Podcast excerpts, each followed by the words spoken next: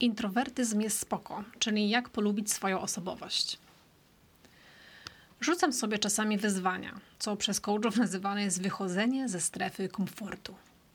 Bo przecież w życiu chodzi o to, żeby przełamywać bariery, pokonywać swoje lęki i takie tam inne bzdety. Niestety swojej natury nie da się oszukać. Jeśli, ci, jeśli będziecie próbowali to zrobić tak jak ja w miniony weekend, to skończy się to co najwyżej wychodzeniem z siebie, by stać się kimś, kim się nie jest. Cytat. To wielka ulga móc zrezygnować ze starań, żeby stać się kimś, kim się nie jest. Wolę wypoczywać w samotności lub z kilkoma bliskimi przyjaciółmi. Częściej słucham, ale potrafię też dużo mówić o ważnych dla mnie tematach.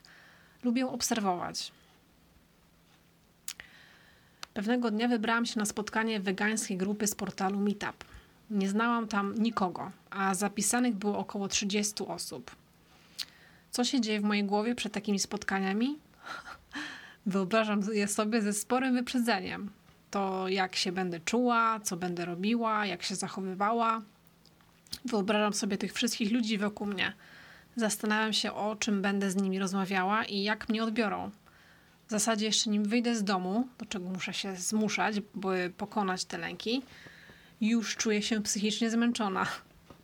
To nie jest tak, że nie lubię ludzi. Ja po prostu źle się czuję w dużych grupach, gdy nie mam, nigdy nie znam nikogo. Męczą mnie small talki, zagadywanie czy robienie wywiadów rozpoznawczych. Uwielbiam za to spotkanie ze znajomymi przy kawie, przy obiedzie. Uwielbiam sama urządzać takie schadzki u siebie w domu. Lubię rozmowę o życiu, lubię słuchać i udzielać rad. Ale scenki w stylu, cześć, jestem Magda, a ty, a co robisz, skąd jesteś, dlaczego tu przyszłaś? Na samą myśl przechodzą mnie dreszcze. Cytat.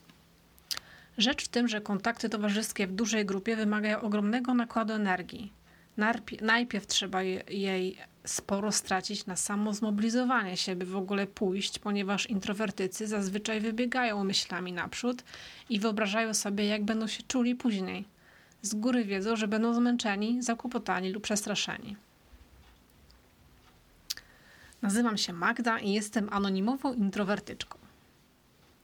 Intro, introwertyczką jestem od rodzenia, ale uświadomiłam sobie to dopiero jakiś czas temu.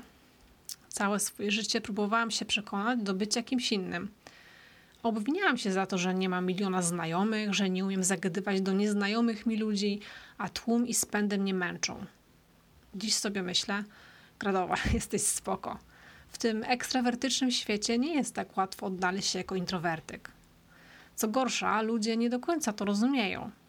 Ja sama swego czasu tego nie rozumiałam i wkurzałam się na mojego ekspartnera, że jest socjopatą, a po pracy spędzonej z masą ludzi nie chce mu się gadać. Dziś sama taka jestem i absolutnie nie nazywałabym siebie na socjopatką. Po całym dniu spędzonym z ludźmi uwielbiam ten spokojny czas w domowym zaciszu. Cytat.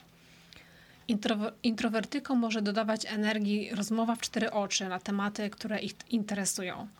Naładowują swoje akumulatory do pewnego stopnia, tocząc rzeczową dyskusję, podczas której każdy z uczestników rozważa opinie pozostałych. Introwertyzm jest spoko. Nie ma sensu na siłę przekonywać się czy zmuszać się do bycia kimś innym.